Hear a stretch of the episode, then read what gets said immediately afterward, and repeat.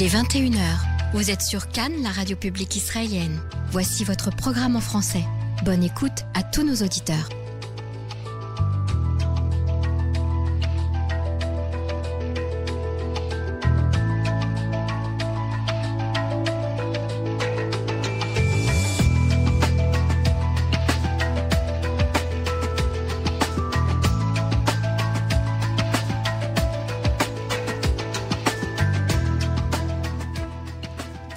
Mesdames et messieurs, bonsoir. Au micro Amandine Safar, vous êtes sur Cannes en français et nous sommes ensemble jusqu'à 22h. Orkoskas, jeune artiste, auteur, chanteur, compositeur, très promoteur et qui se produit en France, fait un tour dans les studios de Cannes. Une belle interview d'Emmanuel Ada. Et Carole Azoulay s'entretient avec le directeur du département d'histoire de l'art de l'université de Tel Aviv, Sefi Handler, le sujet Michel-Ange. Mais avant cela, voici les titres de ce journal.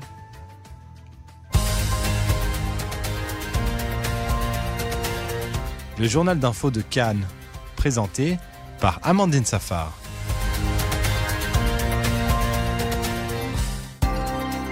Benjamin Netanyahou avertit le Hamas contre toute escalade, menaçant de recourir à tous les moyens pour défendre le pays. C'est la fin du monopole de la compagnie d'électricité. Le ministre des Finances continue sa révolution.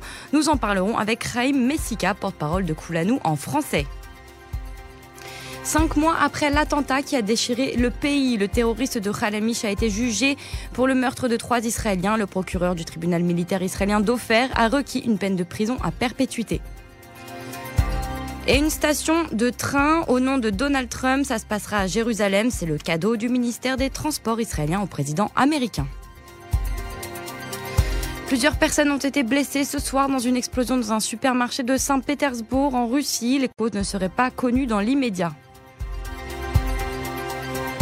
Le Parlement iranien a voté aujourd'hui en faveur de la reconnaissance de Jérusalem comme capitale de la Palestine.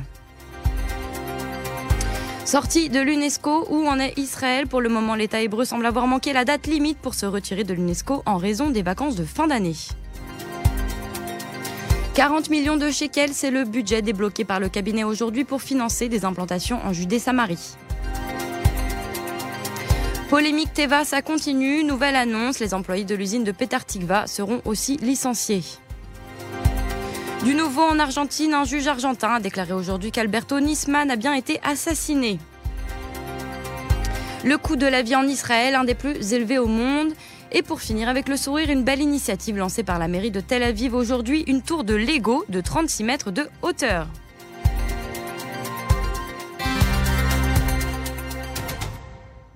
Mise en garde, Benjamin Netanyahu avertit le Hamas contre toute escalade, menaçant de recourir à tous les moyens pour défendre le pays.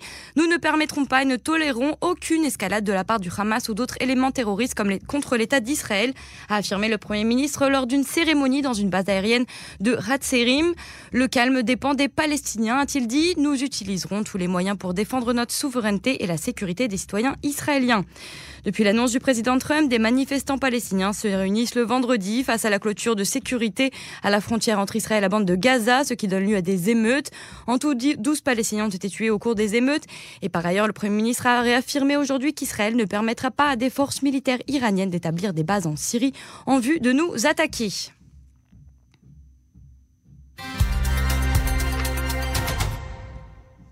Vers la fin des monopoles en Israël, le ministre des Finances, Moshe Karlon, poursuit sa mission et une nouvelle victoire aujourd'hui. En effet, le ministre Yuval Steinitz des infrastructures nationales et de l'énergie l'a annoncé. La compagnie israélienne d'électricité, seule sur le marché jusqu'à présent, ne représentera qu'un tiers de la production et le gouvernement fera en sorte de promouvoir la concurrence entre les compagnies privées d'électricité sur les prix.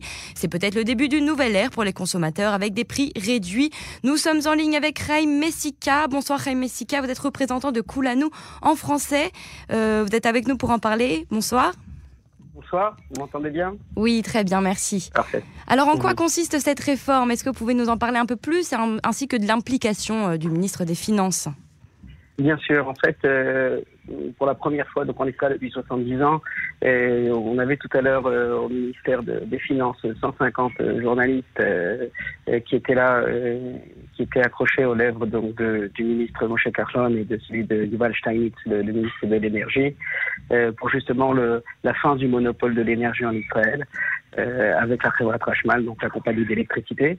Et en fait, c'est un peu ce qui se passe comme, comme, comme se passe dans beaucoup de pays, c'est-à-dire qu'il va y avoir de la concurrence, euh, comme il y a eu de la concurrence dans les télécoms, euh, il y a eu une dérégulation du secteur de télécom, il y a aussi une dérégulation du secteur de l'énergie. Ça voudra dire que concrètement, pour vous, euh, pour nous, pour tout le monde en Israël, aussi bien les, particuliers que les, sociétés, ben, on va pouvoir avoir de nouveaux concurrents qui vont rentrer, de nouvelles de nouvelles sociétés qui vont euh, produire et, distribuer de, l'énergie, euh, donc de l'électricité euh, en Israël, dans les maisons et dans les sociétés. Voilà ce que ça veut dire concrètement après la téléphonie, l'énergie, la réforme bancaire qui est en, qui est en cours et bien d'autres. Donc voilà ce que ce qu'a mm. fait. Donc en effet, qu'est-ce que qu'est-ce que cela pourrait changer pour les consommateurs? Bah, tout simplement que les, les, les, prix vont forcément baisser. Les prix mm. vont forcément baisser. C'est-à-dire qu'en fait, si on n'avait pas fait cette réforme, et c'est pour ça que c'est exceptionnel, c'est que Trevor Tashman, c'est une Trevor emblématique. C'est une compagnie emblématique en Israël. Depuis 70 ans, euh, les syndicats, etc., combattent euh, pour, pour, pour que rien ne change. Là, aujourd'hui, et c'est ça, ça la méthode Carlon, c'est que sans euh, manifestation dans la rue, sans violence, sans pneus éclatés ou, ou, qui prennent feu partout, on a mis en place avec de la négociation avec de la cohésion de, plein de gens, euh, c'est-à-dire euh, Trashmal, ça veut dire euh, le, le, ministère des Finances, ça veut dire tous les salariés de la société, c'est qu'on n'a pas oublié la partie sociale de, cette histoire, puisque c'est vrai qu'il y a 1800 personnes qui vont être licenciées dans les huit années à, venir, mais il faut savoir qu'ils vont partir euh, avec une sorte de golden parachute, en tout cas ils vont partir euh, avec Cavod, etc. Et, et ça, c'est la méthode Carlon, ça veut dire que euh, en fait, on, on, est obligé, on est obligé de faire cette réforme, c'est très dur, mais ça a été réalisé dans la cohésion et dans, dans, dans l'entente entre tout le monde.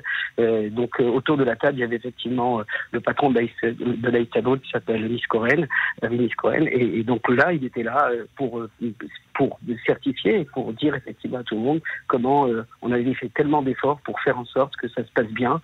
Et, je pense que c'est un exemple même pour le monde entier de, discussion entre les pouvoirs publics, entre les compagnies privées ou ceux privés et donc les salariés. voilà, donc parce qu'en plus, ce qu'il faut préciser, c'est que si on n'avait pas fait cette réforme, très possible que dans quelques années, euh, il y aurait une catastrophe et que, euh, à cause des investissements et à cause de la situation financière de la société, euh, de la compagnie israélienne d'électricité, donc Ravot Rashmal, ben, il y aurait pu avoir un éclatement total de cette, de cette société. Et là, ça va être le cas puisqu'il va y avoir des nouveaux investissements qui vont être faits. Vous nous parlez de la Istadrout. Quelle était exactement leur position? Leur position, ça a été de défendre les salariés, faire en sorte que euh, ben, un maximum d'emplois soit, soit préservé, un maximum d'emplois non seulement à court terme, mais à très long terme puisque c'était le but, et que euh, ceux qui doivent partir, qui devaient de toute façon partir en partie euh, euh, pour, pour, pour, des retraites, etc., que ce soit sur les huit ans qui viennent, mais des cavodes, ça veut dire avec honneur, et pas qu'on les jette en leur disant, ben voilà, merci beaucoup, vous avez servi la, la, société, au revoir et merci, c'est pas du tout ce qui va se passer, c'est un vrai accompagnement économique de, de, toutes les personnes qui vont justement bénéficier de, de, de, subventions justement pour pouvoir continuer leur vie euh, dans, dans, mm. les honneurs. Et quand on parle de, de, compagnies privées d'électricité, euh, elles n'existent pas en Israël? Non, il n'y a aucune compagnie privée aujourd'hui en Israël, mais elles vont exister exactement comme vous avez vu Golan Telecom débarquer en Israël et, jouer le troublion et faire en sorte qu'aujourd'hui, eh ben, vous pouvez, pour toute la famille, quasiment pour 200 shekels, aujourd'hui avoir 5, 6, 7 mamines, etc. Euh, donc cette euh, forfait euh, avec 50 gigas, etc. Ben, vous allez pouvoir exactement avoir la même chose, si Dieu veut, avec, avec mmh. l'électricité. C'est-à-dire que les prix de l'électricité vont baisser puisqu'il va y avoir euh, des concurrents qui vont arriver. On espère bien entendu, et on fera tout en, en sorte que ce sont des vrais concurrents, des vrais troublions qui viennent, non pas pour faire des cartels avec ceux qui existent déjà, ça ne sera pas possible, mais faire des, de, la vraie concurrence et faire baisser les prix en même temps euh, euh, que, de, mm. proposer des, énergies renouvelables en Israël, comme c'est le cas dans beaucoup d'autres pays. Et juste une dernière question, quand, quand est-ce que cette réforme va être mise en place dans les faits?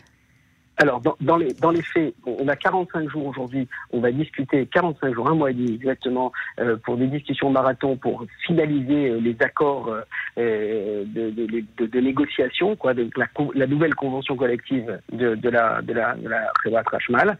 Et, et après, immédiatement, prendront effet euh, des, des, mesures, c'est-à-dire qu'on va commencer à, à, mettre sur le marché euh, donc des appels d'offres euh, qui vont appeler donc ces fameuses révotes donc compagnies privées à venir à, à, se positionner, comme on a fait pour les télécoms, ça prendra à peu près, je pense, entre six mois et un an, et au bout d'un an, ils vont commencer effectivement à produire de l'électricité avec les infrastructures qui existent, bien entendu, mais ils produiront de l'électricité comme on a produit des télécoms, c'est-à-dire des minutes de téléphone et des, gigaoctets, euh, et qu'on a utilisé les infrastructures existantes, existantes de BZ à l'époque. Exactement la même chose, mais dans l'électricité. Très bien.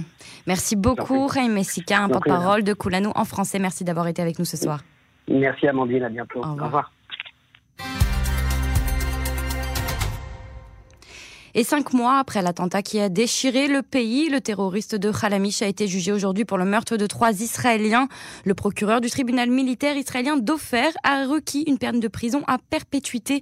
Il a été reconnu coupable d'avoir tué avec préméditation les trois membres de la famille Salomon après s'être introduit à leur domicile le 21 juillet 2017. Omar Alabed est rentré dans la salle du tribunal militaire d'Ofer avec un large sourire.